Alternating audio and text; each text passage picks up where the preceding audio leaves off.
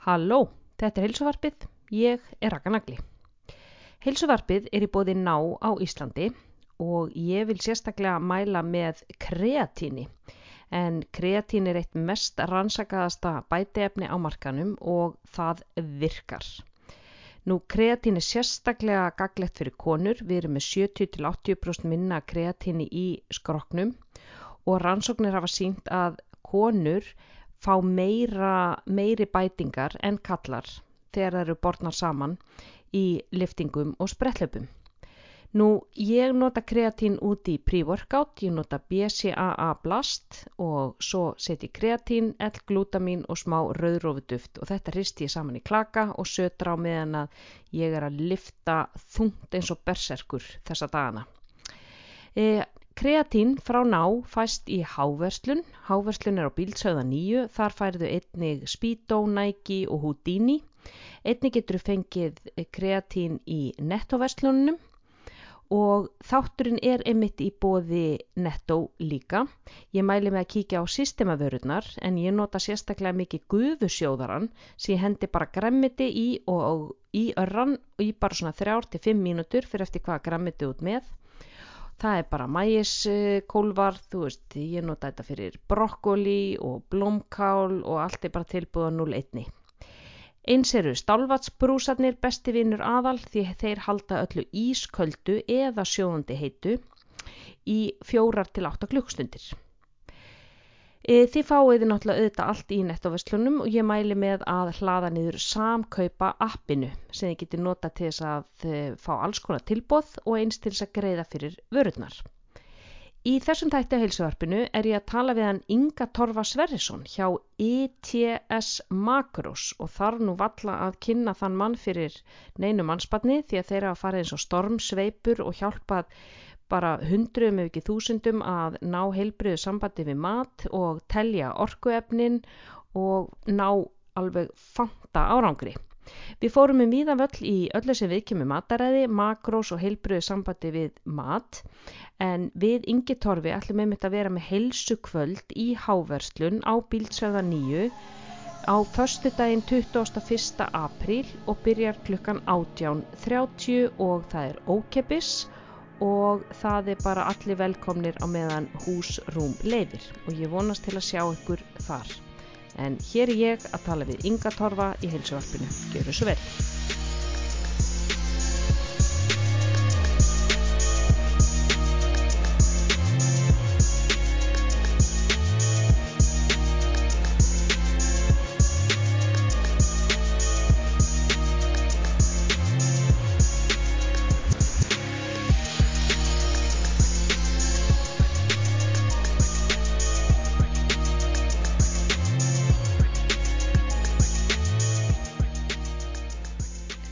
Halló og velkomin í heilsuvarfið.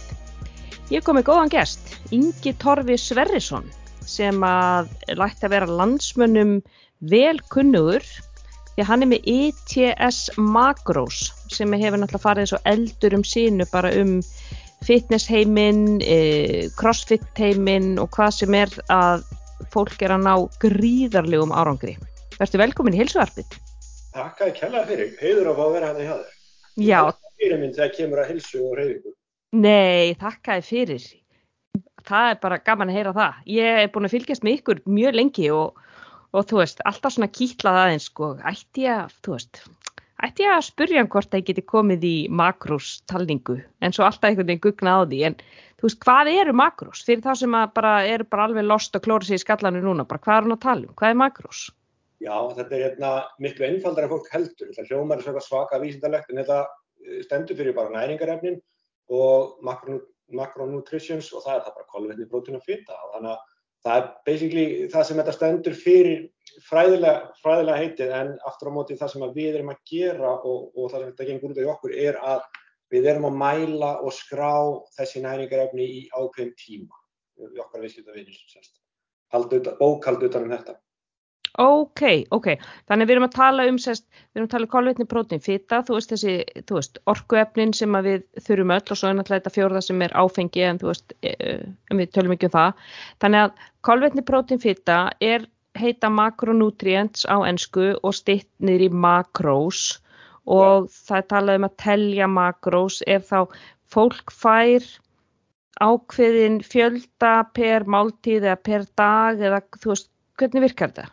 Já, uh, sko þetta er þannig náttúrulega að bakvið þessi uh, makrós eru ákveðin hýtæningafjöldi því að hérna að bakvið hýtæningar eru næringarefni sem að við og margir hafa prófa að fylgjast með næringarintöku út frá hýtæningum, við erum að taka þetta skrifinu lengra og passa að fólk einmitt fái rétt hlutfall, allavega nóg af öllu, það er ekki nóg að telja bara hittæningar ef maður borðar ekkert próteinskilur um eins og þú þekkir það. Mm. Og eða auðvitað maður borðar enga fyttu og það er slæm áhrif á hormónakerfið og þannig að uh, já við reiknum út frá okkar svona reynslu og þekkingu og sem er heldur betur búin að aukast núna undir hvernig ára að reiknuðu tölur fyrir hvern og einn einstakling út frá þeirra hérna, reyfingu, aldri, kynhæð og markmiðum og slíku og Uh, þá byrjar viðkomandi að, að, að borða út frá þessu magni per dag. Við miðum við daginn og erum ekkert að, og kannski líkilatri hjá okkur er, höfum þetta einfalt. Og við, flestum tilfellum erum við með dagana eins hvort þú hreyfir eða ekki, við höfum bara höfum ekki heilir viku. Og því að ef við ætlum að hérna, hafa aðra tölur þegar maður hreyfir sig þá, eða hreyfir sig ekki þá er það að flækjast. Eða þú mátt ekki borða kvöldin eða ekki klukkan þetta og þá er þetta bara að flækast þannig að við erum eiginlega með þetta í einföldustundin þú ráðstafar þínum tekjum yfir daginn og þú ræður eiginlega hvernig þú gerir það. En, en auðvitað aðstóðu við það og við reynum alltaf að finna bestu leiðina fyrir þig og það er líka línsvið fyrir þig, þú veist, sumir æfa kvöldin, sumir æfa ekki neitt, sumir æfa mótnana, sumir eru viðkominn fyrir hérna fyrir hérna, kolvetnum eða prótini og það er alveg, við erum svo misjöfn, þannig að það er svo sem engin einn formúla fyrir einn og en það sem við höfum svona gláð að gera, sem er svolítið magnaðið í þessu, er að þegar einhver tekur sér til og skráir allt sem hann borðar í tíu daga út frá okkar útreikningum og það kannski gerist eitthvað, annarkvort ekkert eða, eða við komum til fyrir öfu átt eða finnur ekki muni eða eitthvað, þá getum við breytt, að við erum með gagna söfnun á tíu dögum, kannski 15 dögum, þar sem við komum til að standa sér vel og, og hérna og þá getum við breytt og aðlega og það er kannski það sem við erum orðin líka hvað best í er að, að e, við getum verið tvær nákvæmlega manneskjur hérna svipum aldrei og svipur heifing en gessanlega ólíkar tölur sem við komum til að enda svo með af því að við breyðumst frá mismundi við hormónar starfseminn og allt það og, og, og hérna, já, þannig að þetta er svona einfald útskýringin hér.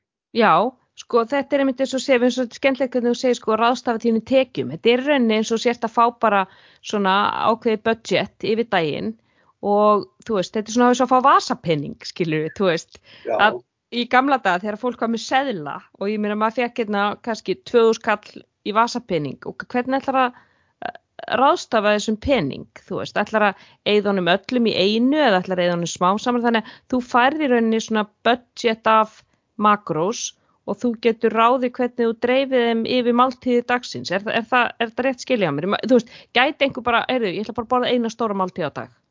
Þetta er alveg hárétt nálgun og það er alveg fólk sem hefur verið að borða, ég segi kannski ekki eina stóra máltíð, það er helviti stóra máltíð, það er hægt, en mm -hmm.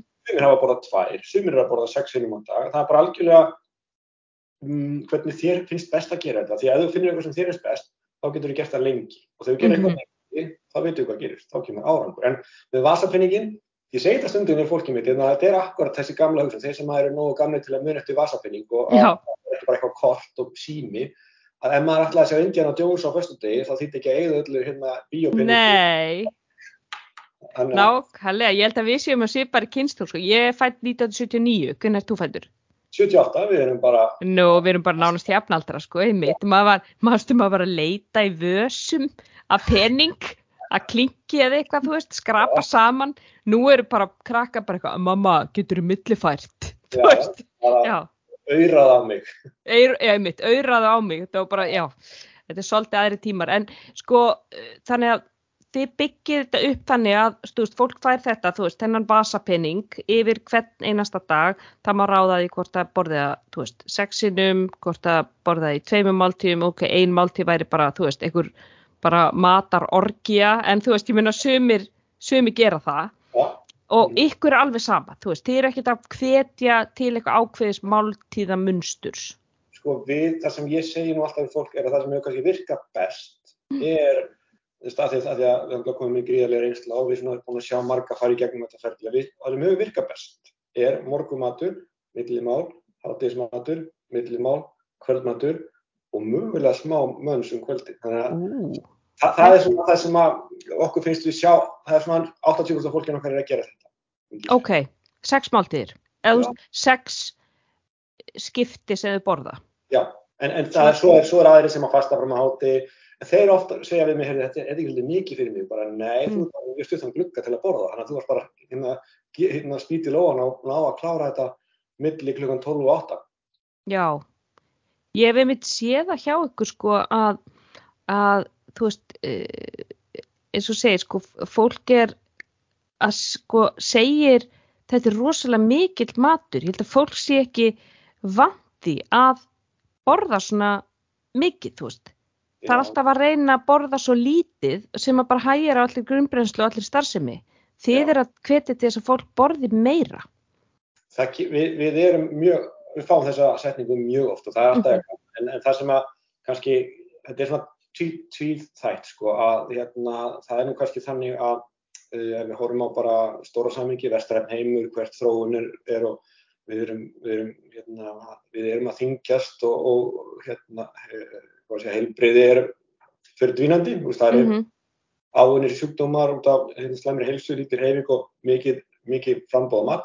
Þannig að maður náttúrulega þingist ekki nema maður borðið of mikið. Það er kannski bara lögmálið, þú veist, að, að þingdaraukning kemur að því að það er of mikið hýtæningum við langan tíma.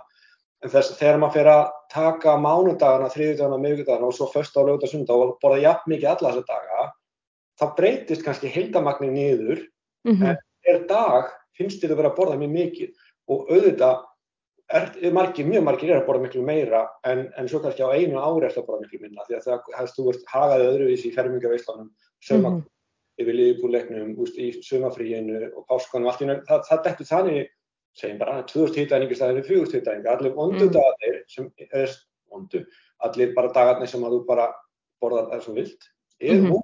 ótrúlega háur í hýtæningum án þess að það er hugmynd um það, en svo þegar þú fyrir allt í nögg að skuldbundin því að eigða peningunum í prótein, þú þarfst að borða mm -hmm. prótein og þú þarfst að fá trefjar og bara erður, ú þetta er erfitt, ég hef ekki verið að borða svo mikið prótein og þá upplifur líka miklu sattari og, og fyllri og kannski alveg frá mánundegi til mánundag sem ekki bara, maður eins og þú veist hvernig það er að það er úrslega vilt að standa sér vel að mánundi og þrjúti, borða bara ekki neitt, þú veist, mm -hmm. það er bara heiminn en svo byrja namindagurinn á förstundegi, laugadegi og sunnundegi, sko. Einmitt. Þetta er svona vera sko, vera með geyslabögin mán til fimm og svo bara förslausun er bara, þú veist, er svo belja að vorri sko. Og, og þegar að fólk tekur, eins og Linda, unnustafningina, hún tók það saman hérna um daginn og ákvað að pröfa að skrá gömlu svindlaðar. Þegar hún var svona manneska sem var búin að pröfa alla kúrana og bara savakúrin og pali og hvaða heitir og, og Uh, hún pröfaði svona, fór á höst tilbaka og skráði bara svona típiskan lögadag þar sem hún var að lefa sér allt og þetta voru 3800 hittaníkar sko, og fyrir mannesku sem er 1.60 á hæð og mm -hmm. þú var kannski að hefa sér þrjustur í vik og þá er þetta bara fjóra-daga, þryggja-daga, tveggja-daga hérna, næring sko, í formi svikus og hittu. Sko. Já, og það er líka það hvernig er næringin samsett, ég einmitt þetta, þetta þessi svindldagar, þessi laugadagar ég sko, þú veist, ég er ödul baráttukona fyrir að afnema þetta ruggl því að þetta verður svo svarkvítur hugsun áttu gagvart mat, þetta verður svo þetta felur með sér svo mikla einhvern veginn skömm og sektakent og, og þú veist, þú vaknar einhvern veginn á sunnudegi, þú ert bara með matarþingu langt fram á mánunda þriðdag, ég veist, ég mann þegar mínir dagar sko, maður var sko stilt í klukkuna til að vakna, til þess að geta getið, þú veist, þetta er svo, er svo, er svo grillað og þú veist, svo var ég sko, ég, ég var í joggingböksum af manninu mínum á sunnudugum, skilvið, þú veist, að bumban var svo svaðaleg, sko, og þú veist, og þið líður svo illa með sjálfmaði, þú veist, þú, þið, þú, þið langar ekki að hitta neitt, þú veist, þetta verður bara félagslega hefur þetta áhrif á þig og þú veist, einmitt, ef ég hefði skráð þess að dag, veistu, að elska mig, ég farið öruglega bara upp í 6000 kalóriur, sko, þetta var bara eitthvað bull, og en svo sko voru mánudagar til, þú veist, mán til 5 voru náttúrulega bara kroppandi eins og einhver spörfugl, skiljur við. Já, sem að þess... heldur ekki og þá, þá kemur oft sigurlegungurinn á virkundjónum, mm -hmm. vinnu og bara að ég ætla að narta það alltaf eitthvað á bóðstólum og vinnustöðum og eða það er eitthvað svona smá súkulega og þá ertu mjög líka að því að þú ert að kroppa og hérna borða lítið, þá, þá er, kemur orkuþörfin og blóðsökurum mögulega að falla, þá dettur maður oft í þetta sem að maður telur ekki með þessi mat. Það er bara, ég er bara ekki búin að borða neitt í dag, en þú getur mm -hmm. að borða 1200 hitanlegur í formi eitthvað sko rusl sem var á skrifstofunni eða mm. eða til að reyna svona að svo drekkur alltaf kaffe á milli til að halda, halda, halda sér góðum og þetta verður að vera hlæðileg blanda. Svo kemur heim eftir svona vinnundaga og nennir ekki að tala um börniðin, hvað þá maka, en sko bara er, ég ætla bara að fara að elda og maður getur jafnvel áður maður eldar og svo borða, þetta er svona típist íslenskt mataræð. Nart eins og smáfugli við daginn og pína sér drekka kaffi og svo bara missa sér um kvöldin. Það er einmitt, það er máli sko, því þú, og svengdin knýr okkur alltaf áfram, skilju, líka minn vill alltaf fá sitt og hann, hann næri yfirhundinni, þú veist, hann, þegar, hann, þegar við erum að snuðan um hittaðningar, að þá, þú veist, kemur þetta það kreifings og þú veist, og þú missir svona aðeins, þú missir aðeins stjórnina á þér þegar þú ert, þegar þú ert á svona mataræði, en sko það er líka annað, það er að fólk átta sig oft ekki á því að sko þegar þú fer að borða, þú veist, þessa heilu óunnu fæðu, þú veist, þess að þú fer að, eins og ég sé að þið breyt ekki mikið á síðun ykkar er sko horða prótingjafan fyrst. Og þú veist, reynda að sníða máltíðina í kringum hann og fá þig síðan, þú veist, karteblur eða rísgrun, eitthvað sem er bara með eitt innihald sem er bara, þú veist, komið bara frá móðu náttúru bara í sinni, þú veist, tærustu mynd. Þetta er oft svo óbúslega mettandi matur og þess vegna upplifir fólk þess að miklu settu, ég er að borða svo mikið, en hýta einingarlega séð, ertu kannski ekki að borða neitt, þú veist, þú jæfnilega að borða minna hýta einingarlega séð, en þegar þú varst að borða brauð og, og þú veist, unnin matvæli. Já, og mjög feitan mat, þess að það er fólk mm -hmm. læri fljótt þegar, þegar fólk fyrir að halda bókald og skrá og rína aftan á umbúð og aftan að vera, ok, þetta að segja mér að feita í grammi að feitu telji 120% meira en gram á kolvetni, skilu, þannig að það er bara, vá, herru, ég sem alltaf bara ótrúlega feitan mat, en þegar þú borða feitan mat, sem er ekki óðurlur, ég er ekki að segja það, en, en þegar það gerist, þá telur hitaðningamælirinn eins og bensíndælan, skilu, þá bara, þá vonuna bara hrúast upp, ef þú borðar olíu og salatið og færið héttur og avokado og svo kannski eitthvað feitt kjöld með þá er salatið orðið steik. Mm. hitæningum en þú fattar það ekki þú kannski, kannski bara langar með bara með meiri steik en það er kannski uh, að því að, að, að fitan er nöðsynleg hún er góð fyrir hormonastarfsumi og undur heimt og allt það en of mikið af henni húrar hitæningunum upp úr öllu valdi mjög hratt og, og gamla góða hnetusmjöri hver hefur ekki bara borðað heila krukk á þrejum dögum að því það er svo holdt hnetusmjöri mm -hmm. holdt en það er bara sjúklega hitaðningar eins og hnetur. Já, já. Þannig að þetta hitaðningarna niður og magni verður meira, rúmmáli verður meira því að ég, við ítum rosalega fólk að borða græmiti, að græmiti er nánast frítt, þetta er hérna, það telur eiginlega ekki ekkert í kolvetnu en þú fara móti trefjar. Og þannig að þú kannski fann að borða einn tómat og halva gúrk og halva papriku með hverju málti þá upplifur þið náttúrulega bara svaka, svaka mettum og góða orku og jafna blóðsíkur og og ég er alltaf sattur og sött en þú ert náttúrulega bara að minna á mánuði Akkurat, akkurat og einmitt eins og segi, fytan sko því fytan er náttúrulega nýju hitaeiningar per gram og meðan að kolvetn og prótin eru fjórar hitaeiningar per gram. Já. þannig að þú veist, þetta er, svo, þetta er sko meir en tvöfalt sko herri hitaeiningar sem þú ert að fá, þannig að magnið af fytu er svo opbóstlega lítið sem þarf til þess að sko bæta við. Á þess að sko þú farir að fara yfir og farir að sko ég finn það einmitt með sjálfa mig að sko ég ég bregst ekki vel við fyttu, ég held að sko þú veist bara átvaglið inn í mér sko kann ekki á skamtastæðarð þú veist, þannig ég þarf alltaf að passa rosa upp á, þú veist, fytuna en ég bregst rosa vel við kolvetni. Ég verið skita keirt og ég mann sko ég var hér þjálfara, kanatískun þjálfari átta ár og hann var að með sko svona mataplan fyrir mig. Þú veist, það var mataplan en ég mátti skipta út alveg. En það var svona, þetta var svona skulum við segja svona prehistoric já. þetta var náttúrulega 2007 eitthvað sko leis og, og þannig ég mátti skipta út og hann sagði það sérstaklega við mig, hann sagði þú ert einn að fáum skjólstæðingum, við höfum talað um það í þjálfarteiminu að ég get haft þig á rosalega háum kolvetnum, að því að þú veist það verist bara verið einhvern veginn en fetan hjá mér getur ekki verið mjög háð veist, þá bara, það, ég blæs bara út strax sko. Já, ég, mm. ég, ég veit þetta, ég er svona eins ég er hérna kolvetna vel sko en uh, þetta er svona, maður, maður hugsa alltaf um eins og hybrid bíl sko, þetta er eins og myndir aldrei, sko, líkjum eins og við bíl, einmitt, þú veit með, hérna, það er rafmagn og bensin og fólk gerur svona mikið núna bara borða ekki kólvetni og heldur bara mm -hmm. og, og voða lítið af prótíni því það hefur engan að hafa prótíni og þetta væri eins og við myndum eiga, hérna, við myndum eiga hybrid bíl og við myndum aldrei stinga hann í samband, skilur, hann væri bara mm. við vissum bara ekki það sem auka hrefli, þannig að herðu, ef við ekki bara að stinga bílum í samband og borða kólvetni líka og þá fyrst finnur við hvað þessi vel getur. Og, og, og við erum í rauninni svolítið að gera þetta, við hérna, forðumskólvetni, þau eru, og okkar viðstafinir hafa hérna, opnað svo auðvun fyrir því hvað kólvetnin eru ekki óvinnurinn, heldur var það kannski samsetningin af kólvetni og fytu, eins og þess pizza, hvað er það? Rosalega fytur í málti, ís, alltaf það með kólvetnarsprengi, það er aðalega fyta, franskar, aðalega fyta, þannig að óvinnurinn, þegar við tökum svo einhver svona, fyrir mig gamla, gömlu þvælina, góðan og vondan mat, skilur, þegar mm. það var flokkað í eitthvað svona kólvetnarsprengjur og eitthvað, þá er alltaf yfirlega jafn mikið að fytu í þessum óvinna eða þessum hérna áhugla mat eh, og þar kemur hýtæningarsprengjan, ekki kolvetnarsprengjan og þar kemur hérna, tapið á bankaregnum, skiljum við. Akkurat, akkurat, þú ert að eigða of miklu einhvern veginn í einu, en það, er, það er líka svolítið merkilegt þegar, þú veist, þegar maður spyr fólk, ég veit ekki hvort að þú upplifir það sama, er að þekkingin á orkuefnunum og hvað er inn í ork, hverju orkuefni er rosalega lítil og takmörku og það vantar einhvern veginn alla fræðslu, finnst mér, inn í bara, bara grunnskólastík. Ég fekk enga, skil, ég menna við erum náttúrulega líka, þú veist, hérna komin hátt á 50 aldur, sko, en þú veist, ég vissi ekki hvað protikólet og fita var eða hvað heyrði undir hvert flokk fyrir en ég var sko komin yfir tvítugt þegar ég byrjaði að æfa sko.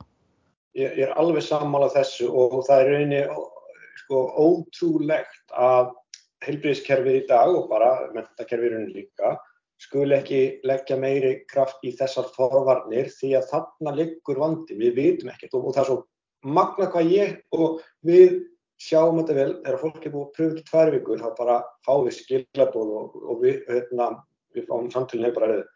Þetta er svona auðvelt, ég vissi ekki að ég hef búin að vera að pröfa allt, en okkur er enginn að segja mér þetta. Ég þarf bara að mm -hmm. þekka grunni, ég þarf að magna, ég þarf bara að vita hvað kólíturprótunum fyrir þetta eru, nú veit ég það. Og þá, þá er svolítið eins og þess hérna að þegar við verðum á, að þú segir við sem er á 15. aldri, þegar við vorum 90 ára, þá er ekki búið að afnema hýtæningar kolvetni fótuna fyrir. Þessi mæleining er hérna, fasti og alveg áháð öllum tísku bylgjum og kúrum það munu hýtæningar alltaf telja. Uh, í okkar þingdar þróun, orkustjórn og öllu því þá er það hýtæningarna og hvað á bakvið það er. Þannig að, lærðu þetta mm -hmm. eitthvað og þú kant leikinn, skilur, og þú ert aldrei aftur að fara kjánarlegan kúr eða neytaður um eitthvað, þú bara aðlagar þig, þú lærir að, eins og með pizzu, við fórum í samstaf með Dominos hérna í janúar, því að við, við náðum að gera Dominos pizzu ótrúlega hérna, makrofrendli með að gera þunnan, þunnan botn og minka ostinum og en, halda áleikinu kannski eins, halda henni pizzan, hún er yfirlt mjög slæm, hún er bara 1200 hitaningar einn pizza, mm -hmm. Mm -hmm. en við gáttum að lakka henni í 800 og, og bara þá, hérna, börni vilja pizzu fyrir þá, allir bara hafa með makróspizzu, skilju, mm -hmm. Hambúrgaran, hefur þú ekki einhvern tíma bara fengið hambúrgara einhvern tíma og tekið lokið af? Jú, jú. Og, akkurat, og svo spáum við ekkert hvað á milli bröðan, sko, það er koktilsósa og, og bacon og ostur og, og feitt kjöt og egg eða eitthvað, 800 hitteiningar á milli en þú ákvæmst að taka 40 hitteiningar af. Já. Þannig að þetta sem við kennum fólkinu okkur bara er stjórna það svona því sem er í matniðinum en ekki, ekki endilega taka út þennan mat. En svo bara, mm -hmm. alltaf ekki besta dæmi á mér þegar ég ákvað sá það að ribbæ nautakjött hendaði mér ekki með bernisósu því það er náttúrulega bara sko 50% fita í því. Þannig ég skipti, fórnaði mér gríðar á, ég skipti fyrir nautalönd og rjómasósu. Skilu, það er öll fórnin, fattar þau. Já.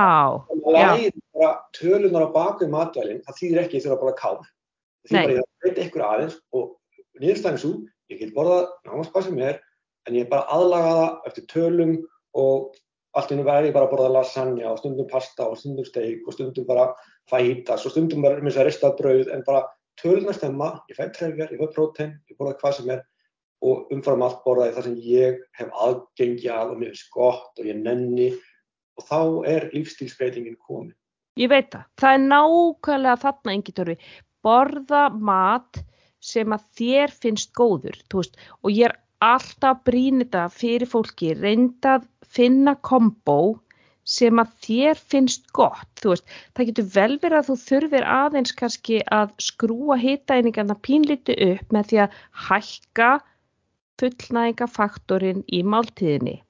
Og þetta er bara þessi fullnæðingafaktor, ég ætl ekki að hætta hamra á hennum, ef að máltíðin er leiðileg, ef hún er þurr, ómerkileg, þá ert þú aldrei að fara að halda þig í þessu þurrelsi og svekkelsi mun aldrei halda þú veist, það, það getur vel verið að einhver fitnesskeppandi getur getið spínat og, og, og soðna ísu í, veist, einhverja viku að því hann er að fara að spranga um á einhverjum sundból á einhverju sviði.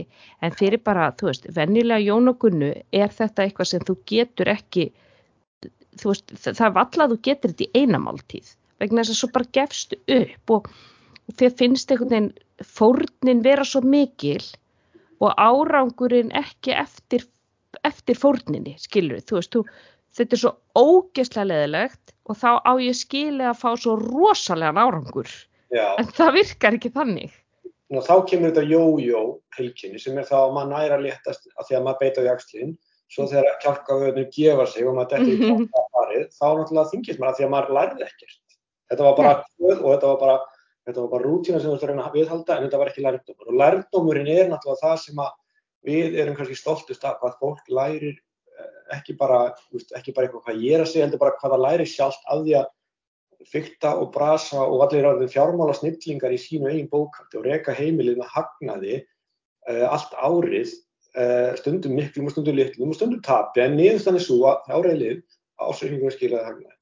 Og það er ótrúlega ánægð með að, sko, að því líka það sem þú ert að nefna með ísuna og kartaflunar og eitthvað þú getur tekið svona tímambil í januar og þú, þú vandar þig ótrúlega mikið og neytar um allt en það sem getur verið að er að þetta eru margar hitælingar af því eitthvað starfan inni er eitthvað sem þú heldur að sé hold eins og bara eitthvað rándýrt granóla með mm -hmm.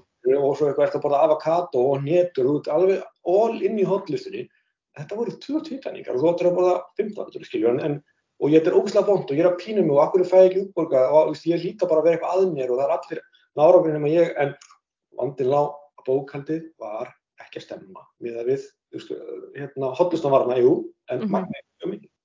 Það er einhver stað, þetta er svona svipað, þú veist, það er einhver staðar ómikil eðsla ef þú ert ekki að ná kannski endum saman, býtu, ertu kannski að kaupa á marga kaffibotla eða ertu að kaupa á marga skilju, þú veist, þú þarfst aðeins sem þetta pæli í því, hvar ertu að eigða á miklu eða þú veist, setja á mikið inn og, og ég tók eftir sem ég þegar sko, þú veist, náttúrulega allir á amma er að búin að prófa keto. Já og það sem ég sé mjög oft er að það koma kannski konu til mín og þær eru búin að vera keto, þær eru búin að vera fasta og þær eru búin að vera að gera þú veist allt undir sólinni það sem að sko gerist er að þær kannski halda áfram, þú veist þær hætta innan gæðsalappa á keto en halda því samt einhvern veginn áfram ásamt því að bæta kolvetni minn þannig að þú veist þá erum við eins og tölum fytan eins og hittæningarík, hún er ennþá inni en það eru fartar að borða kolvetni líka. Þannig að og, og svo bara er það bara veist, að bæta á sig og, og ráði ekki neitt í neitt og halda einmitt grunnbrensla sér ónýtt eða þú veist að sé eitthvað svona lífælislegt að þeir í rauninni ef þú ætlar að borða meira kolvetnum þá þarf það að skrúa niður fytunum það þýðir einmitt eins og þú veist að tala um bernesið þú veist það þýðir kannski ekki að vera með feita steik, feita sósu og vera svo búin að hrúa fullt af kartöflum líka, skilur, þú veist, þá ertu bara kannski komin í of háar hittaðingar. Bara 100% alltaf, og svo ertu kannski með salat með sem er fullt af fetaðast og öll óljan úr krukkunni og heldi yfir en ok, ég er að borða salat, en salatið er bara eins og ís eitthvað sko. Já. En þetta með keto er einmitt sko, ég er nú alls ekkert af mótu því ég hef aldrei prófað, en sko, málið að keto virkar að stóri leitið af því að hitan er búin að fækkar af því að kolvetnin voru út og hitan er í hófleg. En alltaf ef þú ætla að vera keto og vera bara að borða allt undir sólinni í fytu fasanum þá ertu alltaf að borða mikið hitaningum og þess vegna keto ekki virkað fyrir alla því að þú, þú getur ekki verið að grennast ef að þú ætti að borða 2000 hitaningur og borða 3000 þá ert ekki að grennast, alveg sama hvað þú veist, eh, skiljum mig, það, það er eiginlega ekki hægt eða það er ekki hægt Þannig að ég segi sko allir þessi kúrar, og, eða bara allir þessi tísku fyrir breyðu og margt að þið virkar, en það sem er kannski niðurstan mín er svo að þegar þú ferð í eitthvað mataræði, þá ertu í 90% tilfell að giska og vona að besta, af því að þú veist ekki hvað það er mikið, það er alltaf máli. Hætt að giska, farða að skrá þetta, lærið þetta eitt fyrir öll og halda áfram og, og búin að mastera þetta, skilju. Gisk er bara gisk, alveg sama og, og þú veist, þú, ef, ef þú ættir að vera með manneskið þjálfum og segja, við viljum vera að stefna það hérna, að hlaupir 5 km á viku eða eitthvað, ok, en giska það bara á, það kemur bara í ljós. Ég veit ekki að þú bara hlaupir eins og þau finnst með tilfinningin vera, farðu bara út í kvöld og taktu 2-7 Veist, það er það sem við erum að gera, við erum bara að giska, við vitum ekkert hvað er mikið í þessum skamti og heildardegi og heildarviku af því að það er engin skráning, engin þekking, engin tilfinning á baku þetta. Það er bara mm -hmm. Giskaði bara og svo bara vonum við þetta gangi. Mm -hmm. Og bara, það er ekkert gott, þá er mjög líkilegt að þetta var nárangi. Og þá gengur það auðvitað ekki að því að við, við vorum á há og þá kennum við bremslunni eða hormonakerfinu eða, eða eitthvað svona sem að, eða við erum bara svo e, erfitt fyrir mig en giskið var bara það sem var skemma. Ekki, ekki, ekki viljin, viljin var þarna og, og, og þú varst að hreyfaði helling en matræðið bara var 500 hittaning og mikið alla daga í tvo mánu. Já, og þetta kemur skráningin svo sterkinn eins og segir og, og skráningin í, einmitt, eins og þið gerir í tíu daga, það sem að þið getur svo aðlagað, þú veist, ert að missa, ert að bæta á þig, ert að standa í stað, þurfa að skrúa eitthvað upp, þú veist, hvað er það sem þið sjáuð, þú veist, segjum að þið fái mannesku, hún vil missa, þú veist, eða hún er í yfirþyngd, segjum það bara, þú veist, tekjum bara kona, hún er 1,80 hæð, hún er komin yfir 100 kíló, henni líður ekki vel, þú veist, hún vil missa, til átti hann skrá í tíu daga, eh, hún er ekki að missa gram, þú veist, mm -hmm. það er mhm. ekkert að gerast, er, það er engar ummálsmælika, það er engin breyting. Mm -hmm. Hvað gerir þú þarna? Sko, það sem við gerum upp að ég, uh, út frá minni reynslu og þekkingu, reikna einhverja tölur sem ég finnst mjög líklegar og og, og deilir því með þessum, þessari konu og svo við hann að byrja og hérna það fyrsta sem kannski við, svona indikatorn er hvernig er orkan, því við látum fólk skrá það, skap, orku og, og svo er aðvörðum fyrir dag hvernig líður, þannig að ef þú ert orku lítil, skilur, og það, þá, þá segja, ok, má ég sjá, þá kemur mómentið, síndu mér hvað það borði gæri og fyrir þetta, þá fæ ég að sjá, að því að ég er ekki að stýra hvað fólk borða heldur hversu mikið, en að sjálfsögur grípu inn í og styðjum og, og, og hjálpum og svo kemur bara ljós og að þú ert að drekka hérna tvísjátt búst hérna, og þú ert svöng. Uh, hérna, pröfa að borða tyggjamatinn, þú veist, fá þig frekar núna hérna á morgun, fá þig hérna hreppbröð með kótasælu og, og kalskunarskingu og fá þig fullt af græmiti, þannig að við rínum það að hvað af hverju þetta svöng, er það, er það að þetta er á lítið eða þú ert að eigða peningunum óskilnaðlega ok, orkan er kannski góð eftir þá og ég, þá kemur oft mómenti bara okkur, ég er alltaf sött mm -hmm. þá, þá breytist náttúrulega leikur þú fann að innbyrja öðru sér mat og meira trefjum og svolítið og, uh, en svo kannski eftir 10-15 dag og ekkert að gerast á viktinni þá auðvitað verðum við að spyrja okkur hvað marga daga 10-15 dag verður búin að vera að taka skilju. og við erum með svona, við sjáum það í hérna dögum sem skilju, við sjáum svona línur hvernig, hvernig nákvæmni er og ef að nákvæmni er ekki nógu mikil þá auðvitað getum við ekki vannst þess að nýðustan verði eins optimal skilju en Þannig ok, ég sleppti tveimur helgum, ok, það getur verið ástæðan fyrir að þú ert ekki að ná komið á stað sem þú vilt vera á. Uh, við skulum skrá næstu tvær helgar. Eða þá bara, ég hef líka lendið því að fólk bara, það er ekkert að gerast, fólk er að vanda sig og hreyfingin er eins og hún stið, eins og tilstóð, þá þarf þú bara að lækka og, og breyta, aðlaga, hækka, herra hlutu fytulegra kólvetnum og öfugt. Mjög oft sem að fólk fyrir að æfa meira, það er uppáhaldsmomentin þegar heyrðu, Ég var ekki að æfa neitt, ég byrjaði fyrir fjórum vingum, nú er ég komin hérna full í rektinni, þarf ég ekki eitthvað að hækka tölna bara. Ójú, nú þurfum við að gefa í, skilju. Og þegar oft verður orkan og framkvæmda gleðin verður meiri þegar þú með hlutin á hreinu og þú farið ekki vel nærða, nærður á marga dagir rauð, þá hefur ég bara alltaf að fara að hreyfa. Mm -hmm. Þannig að við erum með um málsmælingu, við erum látið fólk taka myndir sem að hérna, eldur utan svona sjálft og deilir jú með okkur þeir sem að og svo er það náttúrulega líðan og svona hérna, skráning okkur með þessu degi og svo eins og þú þekkir nú vel að það getur vel verið að viktin standi í stað en mm. fara og svo talgjum þegar að konur fara inn að borða prótein samhliða æfingum þá alltaf bara hefði það er að tónast til og fá vöðva og bara þú getur mögulega að missa 2 kíló en í speglunum líður eins og þú búin að missa tíu, það er bara líka mér búin að breytast. Það er vikt, það er bara ein byrtingamind en, en það er eitt sem er okkar nefna sko sem er ótrúlega algengt, það er sko fyrstulega svefnin verður betri af því að næringin er jafnari og orkuefnin er jafnari og meldingin, þú, þú lítur um og ofta á því varfið að fólk fyrir að borða kannski meira trefjum og prótini múti bara fyrir það er mægin í góðum málum og bólgurnar minga og verkir minga og það er svo magna hvað margt annað sem að fólk fyrir að taka fram fyrir þingdarþróunina sem, sem að var bara, bara skapið og, og húðinn og, og svona hluti sem að maður hérna held að væri bara búið einhvern veginn, mm -hmm. það var einhvern veginn að glóa. En ok, viktinn fór bara í þrjú skilur, ég ætlaði að fara í sjö. En mm. það er svo margt annað og, og hérna sem gerðist kannski á þessum tíma. Og svo möguleg mitt var fyturbróstan að fara niður þó að viktinn hafi ekki farið niður, þannig að þú kannski kannast við hvernig það virkar. Nákvæmlega, endur samsetning líkamanns Já þú veist, lægra hlutfall fyttu, meira hlutfall af vöðvum en þú veist, viktinn stendur í stað jafnvel eða þú veist, jafnvel kannski fer upp í sum tilfellum en þú lítur allt öruvísi út af því að þú veist, við vitum það að það er eiginlega ekkert sem breytir útliti eins mikið eins og liftingar. Akkurat. Og þú veist, þú farað allt annað shape, allt annað, allt annað lögun á líkamann. Og, og, við, og liftingar, það er svo miklu meiri fókus á styrtarþjálfun, frekar en mm. útastjálfun, því, því að það fólk fattar það ekki, ef þú ert að lifta lóðum í 40 mínútur, þú ert að brenna jafn miklu og þú væri bara að djöflast í, skilju, og, og saman tíma þetta líka byggja upp, þannig að þetta er svona, veist, hérna, svona high intensity þjálfun er rosalega ofmetinn á móti því að styrtarþjálfun er vannmetinn.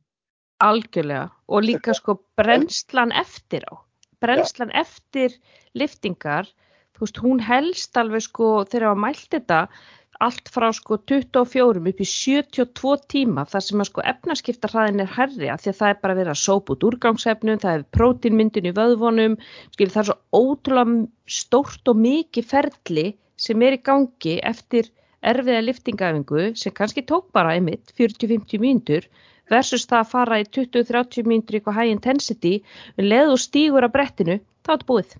Já. skilu, þú er rétt að svita kannski aðeins inn í búnisklefa og eitthvað. Þú veist, það er eitthvað svona smá eftirbrunni þar en það er ekki á, ekki á neinu leveli við það sem gerist á, í styrtaþjálun Nei, og, og mér svo, svo bara það sem gerist þegar vöðvamassin verður meiri þá ekst brennslan, skilu, þannig, mm -hmm. þannig að, að þeir ríku verða ríkari þetta er svona veginn þannig. Já, já. Þannig að ég, já, ég, ég styrtaþjálun þannig að sérstaklega konur þetta þurfa að vera pínu bara ófeinverði við bara að lifta eins með líka, skilur. Já, lifta konur að lifta á konur sem eru, þú veist, að nálgast breytingarskeiði, þetta er bara, það er ekki mikilvægri tími en þá til þess að rýfa í lóðin, því að þarna ekki fyrir að koma beinþynning, þú veist, við missum vöðamassan okkar miklu, miklu hraðar heldur en kallmenn og við missum sko þessa, þú veist, þessa, þessa sprengi vöðva, þú veist, við missum þá miklu hraðar, við höfum læra hlutvallaðum og svo missum við þá hraðar heldur en kallmenn, þannig að þú veist, að vera í einhver svona, einhverju lulli, einhverjum 15-20 reps, þú veist, nú erum við bara að fara í bara hardcore, við erum að fara sko, þú veist, að koma þessi sko í síðasta repsinu. Það er það svolítið það sem þarf þegar konur eru komnar á ákveðin aldur. En þeir eru með gegja app. Já, Já. Við, við, við byrjum þjálfurinn og þannig að það var bara Excel-skjál sem að hverju eitt fekk sem að var alltaf frábært og barð síns tíma eins og faxtækið og breyftúan og allt það. En núna tókum við bara þetta skrið, það var bara, var það mikil aðsókn og, og, og það var það gaman að við letum bara fyrirtæki hérna akkur í smíða fyrir okkur app sem að var alltaf heljarnar stór ákverðin og mikil, mikil fjárfesting. En í dag er þannig að þegar þú byrjar í þjálfunni og þú farður bara aðgang að appi sem að og í því er náttúrulega svona aðhaldið og þar er samskiptin og þar er skráning á þessu daglega, veist, hvað borðaði ég mikið, hvað svafi ég mikið, hvað drakk ég mikið vatn og veist, hvernig leiði mér og hreyði ég mér, hreyði ég mér ekki. Það er fræðsla veist, og, og til að smæði fitnesspall sem við höfum notað ára tíu, það hefur verið gaman að hafa íslenskt vídeo af því til dæmis þegar við vorum að byrja að nota MyFitnessPal að því mm. maður það verið rosalega liðlegur í því fyrst og, og við erum búin að gera það. Þannig að allir sem byrja okkur geta bara hort á vídeo, skref fyrir skref, hvernig virkar þetta MyFitnessPal sem að fyrir þá sem eru að hlusta og viti ekki hvað er, það er heimabokkin okkar. Það, það, Það er stæðst í gagnagrunni fyrir matvæli heimi og þar skráum við kjúklingabringun okkar og gotasöluna og, og nú á kroppi, allir saman hvað heitir, það er það til þarna. Þar höldum við utanum næringar intökuna og svo í lókdag, svo yfir daginn erum við svona fyrta í ITS appinu og, og svo farðu þú svona eitthvað hérna kvartningu frá okkur og þú farð endurgjöf og, og mikill fróðlingur og greinar og pepp-vídeó og, og þú farð svona verkefni, það sem er mér svona kannski pínu sem að ég tengi við alltaf þína þjálfun er í gegnum tíðina síðan ég var hérna kæft alltaf bara rektakort og nota það ekki, ég var alltaf að lesa fyrsta minna. Það er þetta hugafar og við, við erum rosalega mikið í því að og það er mjög stórt partur okkar þjálfun er, er þetta að láta fólk fá svona okkur verkefni. Hinn á þessa dagana, það er svona kannski tvö verkefni í viku þar sem að einn daginn áttu bara að ringja í gamlan vinn og við höfum fengið ótrúlega falleg viðbröð við því og svima dagan áttu að telja styrkleikana hérna og svo áttu að haka í listan af hlutum sem þú er búin að fresta og þú áttu að hafa þakklæti og kæling og hugleisla, það verðum alls konar pælingar sem við látum fólk svona ég vil meina að þessi litli hlutir láta okkur vaksa og vera betur mm -hmm. og bara fá okkur til um, vekja okkur til umhugsunar um lífið og náungan og, og fjölskylduna og við erum með svona paraþjálfun þannig að það skráður sig kannski parið par og þau eru svo sálsögðu með einstaklingsmiðu markmið og, en þau vinnendar saman og þurfa svo að rifið fyrsta stefnum og, og, og mm. gera kannski playlist af lög þetta er svona bara að, að við séum að horfa inn á við. Það er, mm. það, er það sem þú hefur hefur alltaf látið mikið með þínum pislum og alla Íslendinga að við erum svona að það bara, það situr eitthvað eftir, hm, maður fyrir að hugsa eitthvað, maður fyrir, maður fyrir kannski breytir eitthvað um tvo-þrjum daga í, í rauð og svo kannski fara það út, en, en ég gerði eitthvað, ég breyti og ég, ég, hérna, ég, ég trúi bara því að það eru litlu hlutir sem skipta svo miklu máli. 100% og einmitt, það, það er sálfræðin skiptir svo rosalega máli í þessu öllu saman, Já. að þú veist að hún sé það sé þessi andlega helsa, ef hún er ekki lægi þá erum við ekki að fara að gera neitt með líkamlega helsuna, þú veist. Það er hugur stjórnar hegðun og hegðun stjórnar helsu, sko. Þetta er, þetta er mjög gott, Ég, þetta, þetta er alveg, þetta er bara hverju orðið sannar og með því að taka svona, og hvað er það, innfalda matræði og að vera að vera flóknir sem þú nokkur tíman spáði, yfir er bara innfalda sem þú spáði, tengt helsu, þetta snýst bara um magn og hlutvöld og ég er bara hvað sem er og þá myndast tækifært til að hugsa um aðra þætti. Af því að fókusum fer ekki endrast á það bara að borða ísuna og kvotasæluna og ekki þetta og ekki þetta því að alltaf að segja hvað er ekki að borða. Heldur bara allt í nokkuð, ok, ég veit hvað ég má, þetta er komið, nú get ég fara að hugsa um mig, nú get ég fara eitthvað að hreyja mig, nú get ég fara að, þú höfum kemur löngum til að bæta þessu öðrum sviðum þegar þú er búin að ná tökum á einhverju einu sem er eitt af grunnþörfunum, matur, svepp og slikt að þegar það er komið, þá er fólk ofta að taka stóri skrefin í, í hreyfingunni. Og og, og svo veist, eins og fólk sem er svo hrætt að heldur að þurfa að hreyfa sér svo mikið til þess og það ástæðan fyrir að ég er ekki að grannast er að ég er ekki að hreyfa mig en þú þartir henni ekki að hreyfa þig frekar en þú vilt. Við mælum alltaf með því. Hreyfing mm -hmm. er mjög góð fyrir heilsuna og, og hérna en, en að matrað er gott og þú ert bara í gangutúrum og þú ert að vinna líkvæmlega vinnu þá ertu að gera geggjað hlutir sko. en, en það er þessi kvöðum að halda með eigi að vera eins og hérna og þessi eigi að kaupa sér reysir fyrir miljón eða eigi að vera í crossfit að þess að er í crossfit það bara fyndu hreyfingu sem hún ennir að endur taka aftur og aftur mm -hmm. eða badminton eða bortennis eða, eða, eða golf eða gungutúrur gerðu það en ekki reyna tróða eitthvað bóks sem hún ert ekkert átt ekkert heima í.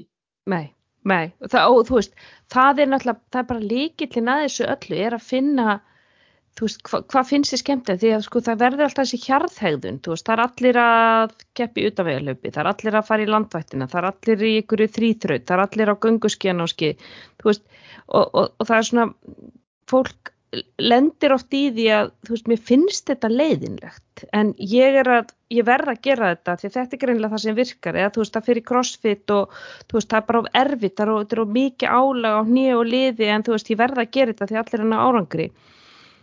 Og svo gerist hvað, svo bara brennur út, það, það held, heldst engin í neinu sem hún finnst leðilegt, skiljur við, við vitum það bara, hvort sem það er mataræði eða, eða reyfing, þannig að það er mhm. líkil allir eins og seg, hvort sem það er boccia eða bortennis eða badminton eða, eða whatever, veist, ef þetta færi til að koma dag eftir dag eftir dag, alveg sama hvað bjátar á, hvort sem að, þú veist, það er sprungja á bílnum eða krakkinni veikur, þú veist, þú ætlar að finna leið til þess að koma þessu inn, þá veistu út á réttum stað. Það, það er alveg annir, það er allir eins og bara með blakið, sprengjar mm. blaki, það er ekki svo blak, það er alltaf cool íþróttur í 15 ára, sko, heldur bara allt í hennu fóru alls konar hóp bara stundar blag og, og hérna, öldungölvaka er bara eitt vinsalega það sporti í dag að það er gaman. Það er fjöldlegt, það er bolti, það er keppni, það er fýblagangur og það er að fara að keppa mótum og fólk bara sleppir ekki æfingum. Þetta er að dæmum það að ok, ég er ekki búin að menna að reyja mig í tíu ára og svo fann ég blagið og, þetta getur verið hvað sem er en bara mm -hmm. það er dæmum um, um íþrótt sem er miklu meir íþrótt en nú kannski er að gera meira gagn en fólki grunur. Bara, Já. Já, það er endurtegning, það er samfella á einu ári en ekki í janúar áttak sem er, sem er búið sem janúari halvnaður. Sko. Nei, og það er ekki, þú veist, eitthvað svona djöfulgangur heldur, þú veist, þannig að þess vegna getur fólk stunda þetta svolítið langt fram til aldrei, eins og líka með golfið, skilur, þú veist, þetta er rosalega reyfing, þetta er líka eins og nefnir, rosalega félagslegt, þú veist, þú ert þarna með fólki og þú, þú veist, út ábyrgugagvart einhverjum, ef ég mæti ekki þá eru þeir ekki með jæmt í liðinu og þú veist, þetta er svona, það er ímislega sem spilar inn í þarna. Já, já. já. Og hreyfingin sko bara, og kannski mín skilabóð svona lokum varðandi hreyfingin er, þú veist, eh, verður óhrættur eða hrættur að prófa eitthvað nýtt af því að það getur verið að þín mesta ástriða í lífinu sé ókomin, skilja. Hún sé þarna handaði á hotnið af því að ég pröfa að segja já við eitthvað, ég pröfa að fara fjall, eina fjallgöng og núna er ég búin að fara átján tinda eða ég mm. pröfa að hjóla eða fjalla hjóla eitthvað, það getur verið hvað sem þeirra fór í sjósund allt er bara komin einhver neisti sem hefur ekki verið í það eru 20 ára þegar þú varst einu sinni í fókbólstaði, einu sinni einhverju mm -hmm. svo bara sagði ég já, ég pröfaði og ég er þessu það er ógeðislega gaman að sjá fólk detta, detta og bara, bara svífa í, þess, í þessu sko. Líka því það er með orkunni til þess Já, já En sko, mér langar að heyra hvernig, sko, hvernig reiknið þið makrós?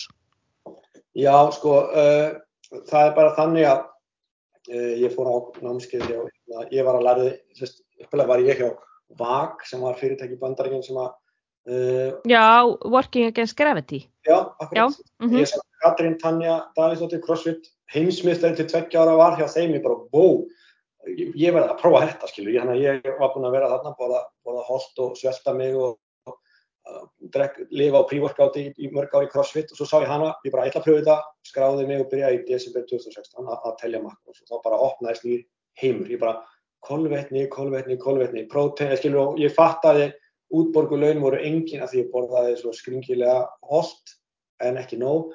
Og út frá því náttúrulega lærði ég svolítið mikið, svo fór ég á námskeið hjá þeim hérna, sem, sem þjálfar hann afskið á þeim og svo, svo er samlega því að myndast alveg svakalega mikil reynsla á með öllum okkar kunnum hvað er að virka og hvað er ekki að virka á út frá aldur og að við, við miðum alltaf í grunninn við ákveður hlutvalla líkarsting í, í próteinum og svo horfum við á orkuþörfina með að við aldur og hreyfingu og svo skipti því að með kolvetna fytu Þú veist, ef þú ert til dæmis orðin eldri þá hækka í fyrir hlutvallu, ef þú ert ungur í hlutamar þá hækka í ef í kolvetnin herri.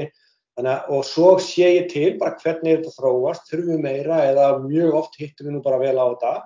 Og, og, það er hitt, það er það samtal í átta vikur sem við eigum og, og skagna öflun þessi, þessi skagnagrunni sem mynda sem við getum að tekja ákvarðinu út frá. Og það getur farið hvað hva allt sem er. Ég meina, ég man til að hérna, Sveindis Jane hérna, hún mm -hmm vera hjá okkur lengi og ég man alltaf eftir því þegar ég bara jók og jók og jók við hana mat og hún er að borða núna bara veist, miklu meir en venjulegu kallmaður, skiljuru. Mm -hmm. Og þangar til að við fundum, og svo eru aðrar, aðrar konur og stelpur sem er bara erfnið að borða átundur í þannig sem við erum að æfa, að við erum svolítið svona vinna hvað við komandi getur og, og svo er þetta til þess endalus að þvargum hversu mikið prótín að fólk að borða. Mm -hmm. það er náttúrulega til bara jafn margar hérna, kenningar um það og um sko, hérna, hérna, erðar, sko, eitthvað útfélag sorglegt hvað mikið misvísandi skilabóðum en málið er bara það að víst, ef þú borða bara víst, meira prótín en þú varst að gera og hvort sem það er eftir uh, einhverjum hérna, kenningum frá amerískum kenningum eða euróskum kenningum eða hvaða er, gamlar eða nýja uh, það er það rífast um það en víst, að þú sért að borða prótín uh, nokkur, nokkur rétt magna prótini er líkiladrið, skilju, mm -hmm. þessari hinn í kenningun og allt sem fyndi, ég var alveg fengið svona, enga þálanum sagði mér og ég var að bóra allt og lítið prótin mm. og ég sagði, ok, það var nú gaman að sjá þessa konu bóra 200 grama prótin, skilju, það er nú erfitt með að klára 100, þannig að það er að gera betra en maður var að gera, mm -hmm. það er svo, að því að svo er hittraka í dag, 2023, við ótrúlega klára og gáðuð, þú veist, það er að segja vísindarsamfélagi, læknarsamfélagi og hérna, uh, við getum allt. En við getum ekki útskilt mataræði í tömsetningum. Það er ekki hægt. Veist, ekki þannig að ég geti tekið það með mér og framkvæmta og ná árangri. Þetta er bara eitthvað svona huglægt, borða holt og nota tilfinningarnar. Sumir geta en rosalega margi geta ekki. Því að við vitum bara ekkert hvað er á bakvið þessi orð og samfélagi, þar að segja að fræðisamfélagi kann ekki útskýra það almenlega að því að í grunn er það, ef magnir er ekki rétt, þá fer það ekki rétt átt. Og hvernig mælum magn? Það er með því að vikta það og skráða. Og, og mm. það er reyni bara það ætti raun að vera grunnurinn að öllum hvort sem það er eins og hérna hvort þú ert að fara til læknis og það er að taka alls bendur að taka matar í gegn, hvað segir læknin já bara, ertu ekki að borða það nógu græmiti, þú veist það kemur bara eitthvað svona eitthvað svona bara, eitthvað random bara eitthvað setning, já, já og það bara, þú bara borða, passaði bara að borða ekki sigur, en mm. kannski bara viðkomandi bara borða 2000 hýtæningar af fýtu af dag, mm. En sigur var ekki vandamáli, þegar sigur, mm. hann er þarna og verður alltaf þarna, en vandamáli kannski var bara að það var eitthvað annað og, og þetta er svona svo ótrúlega sorglegt að hérna, eða sorglegt að bara við, við getum einhvern veginn ekki hugmyggin að útskýra fyrir fólki hvernig best að nálgast mat uh, og eðla kannski nenni ekki allir að svikta og skra matin en, en ef þú nennir að taka nammilusan mánu eða taka út áfengi eða taka út veist, eh, og hreyfa þið alveg rosalega mikið og fara í spandekskalan og hjóli bártsvarsbrekkuna og, og vera veist, alltaf það, mm -hmm.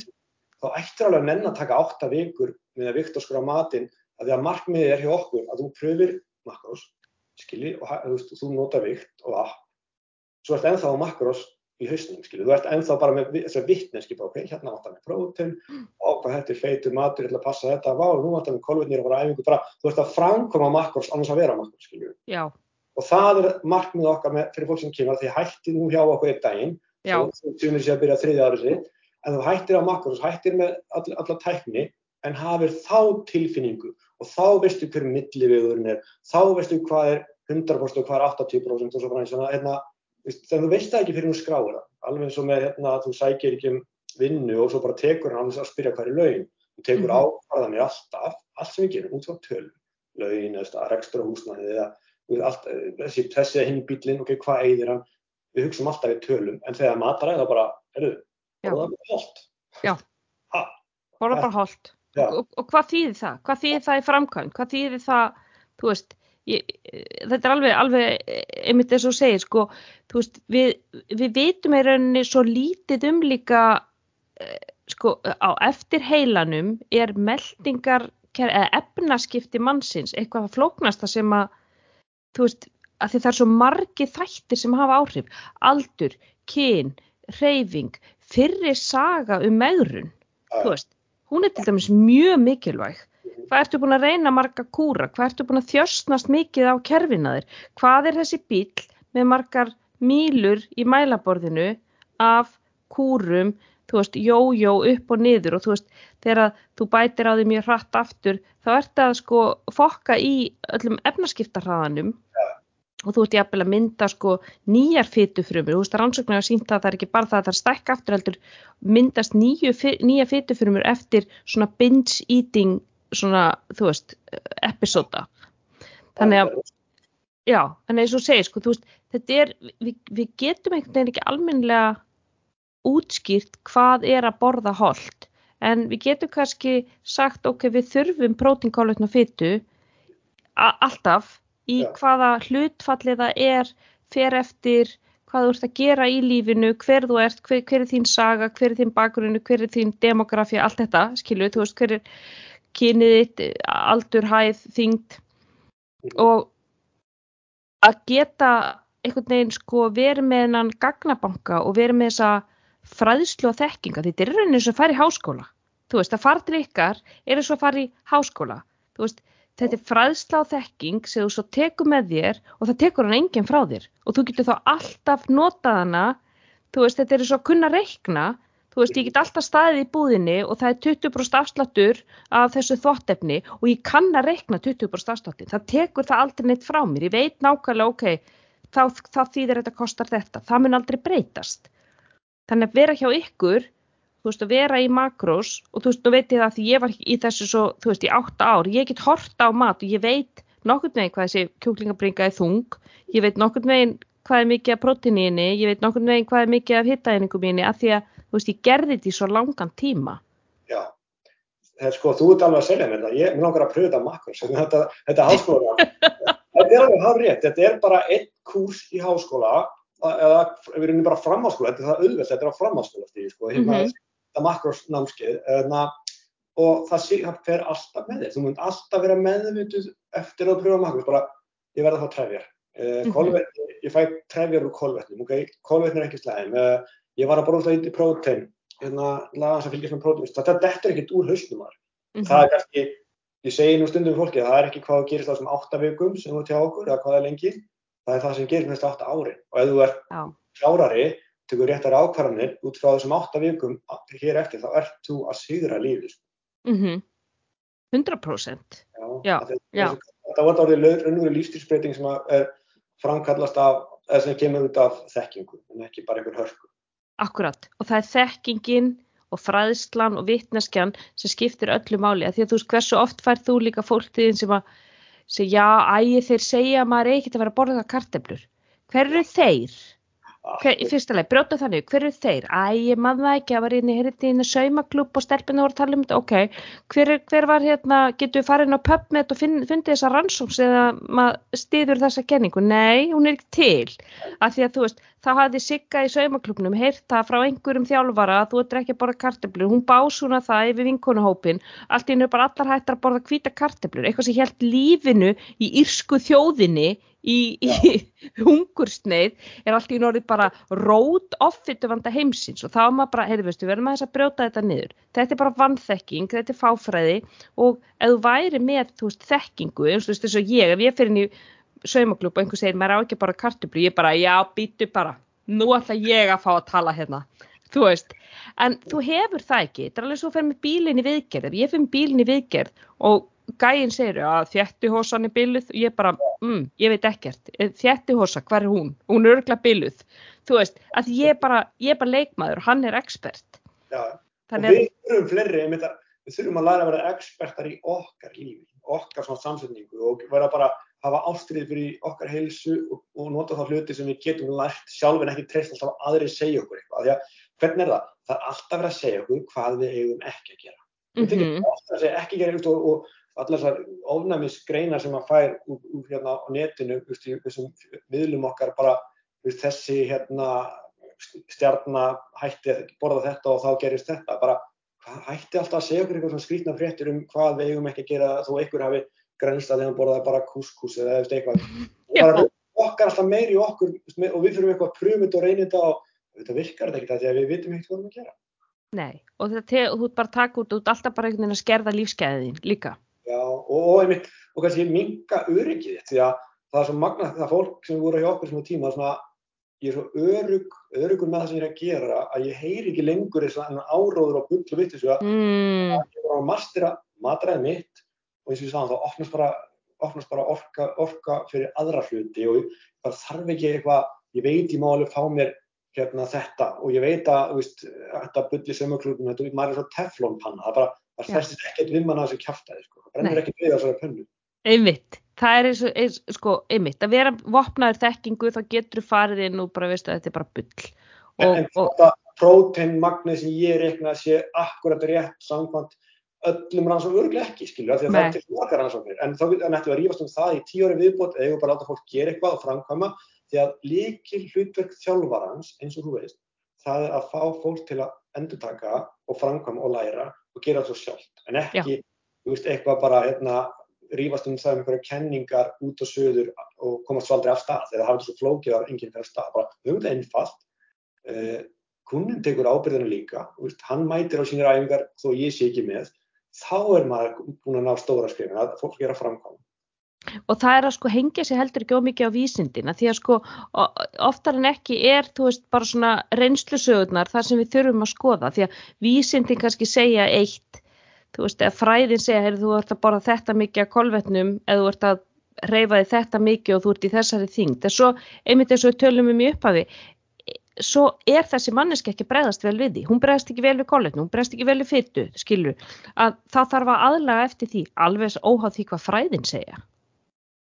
Akkurat, af því að fræðin geta sagt hvað sem er en ef þú framkvæmir ekki eða ef þú tengir ekki við það þá gerir það ekki fyrir þig. Já. Og kannski kjölfarið af þessu, þá langar maður að segja að við byrjum síðastu sumara að vinna með svona um, 50 pluss hópa, eða og ekki það að það fullt af kunnum verið hjá okkur síðan þrjú ár sem eru miklu eldri en, en 45 og 50 skilur en við ákveðum að pröfa að opna það að uh, sækja svolítið í fólk sem er ömmur afa, eða fólk sem er lausur börnið sín og hefur meiri tíma á svona, að þetta er hópur sem er ótrúlega svona oft, oft á tíðum svolítið við lítið sjálfstörstu að kemur að tækni og svona nýjungum og hefur ekki þóra, en það er magnat að sjá hvað mikið af fólki sem er jafnvel 65-75 sem eru komið til okkar og hugsa þetta bara, og ég segi ofta þetta fólk bara, heyrðu þú er búin að fara í gegnum 2-3-4 kreppur, sko, þú er búin að þurfa að elda ja. Naglasúpur og þú er búin að þurfa að veist, koma börnum í gegnum grunnskóla, háskóla og framháskóla, þú er búin að veist, ganga gegnum skilnaða, námi að flytja með til landslita og allt þetta, veist, þú getur alveg lært að borða mat, þú er búin að fara í ja. 200 megurinn eða eitthvað álíka og hérna, þú er búin að gera ótrúlega hluti í lífinu, þetta er ekki einn af þeim, þetta er skemmtilega hlutur og þú kannt að baka, þú kannt að taka slátur, þú kannt ótrúlega margt þú sér ekki búin að vera í háskóla eða eitthvað þetta er, þetta er bara alveg eins og þegar við hættum að fara með greiðsluseðlan í bankan og þurftum Já. að lára heim í banka. Já. það var ótrúlega asnalegt og maður, maður trúði því aldrei að maður þurfti að geta ekki lengur farið bara að láta að gera það fyrir sig. Svo bara kunni allir að heima banka þetta er alveg saman hvað eru gamlir. Þannig að þessi, þessi hópur sérstaklega bara konur sem eru 50 pluss eru búin að koma og blómstra hjá okkur. Og það, oh. það er það er þessi saga fólk sem segir ég er búin að pröfa allt. Ég er bara á þeim stað í lífinu ég er búin að gefast upp að ég næ ekki árangri allar vinkonum mínu ná árangri en ekki ég. Já, af því að dæmið bókaldi var ekki alveg að stemma. Það kannski vant að hestlu mun að þú væri rétt um kalóri fjölda nú förðu þanga endur mhm. dögum komum að finna 1 kíló 1 kíló, 1 kíló allt í norðum 10 og eina sem þú þau gera þú lætir bara aðeins að hérna, á 1 upp og hérna, viktina þinn og svo aftur hvort þið er fyrir. Einmitt, sem þú varst búin að nota í bakstur í allir sár. Já, þú kanta, kanta peninga, þú kanta fjármál, þú, þú kanta matvæli, núna bara neglur þetta og þú bara, ég elska aðstofa þennan hó, bara Já. elska það. Ó, ég trúi því, ég trúi því. Ingi Torfi, þetta búið að vera æðislegt. Bara, ég vona allir séu með glósubók og penna og búin að skrifa hjá sér og og endilega kíkja inn á ETS Macros undirstrykk. Það þeir þeir á Instagram og þeir með alveg sko hellingsfróðuleik og alls konar skemmtilegt, eh, alls konar myndbönd og það bara endilega fylgja þeim á, á Instagram. Er eitthvað annað sem að, við ætlum að plugga? Það er við erum að fara alltaf fyrirlestur í Háverslun. Já, í hvaðan? April. April, uh, 19. april, daginn fyrir sumardaginn fyrsta. Þannig að þar munum við yngitorfi hittast í kjötheimum í fyrsta skipti og það verður gaman. Já. Allir velkomnir. E, svo er það bara síðan okkar hérna í tsmakros.is og svo kannski ef einhverju vilja followa mig á Instagram, þá er það bara yngi törfi. Og þegar þú komið þetta, þá getur þetta ekki farið fram með það. Svo bara skráur þig og pröfar þetta fjárfestir í þinn, þessu eitt einu sinni og þá ertu búin að spara peningi alla meðurnarkúra og brennslutöflur og allt þetta bull sem er til, verið til sölu mestu 10-20 árin, þú ert ekki að köpa nýtt þessu. Nákvæmlega, því að þetta er það sem þú verður að gera ennþá þegar þú ert nýraður. Akkurat. Yes, æðislegt. E, til ykkar hlustandi góður, takk kærlega fyrir að hlusta á heilsuvarpið og þangti næst, verið bless.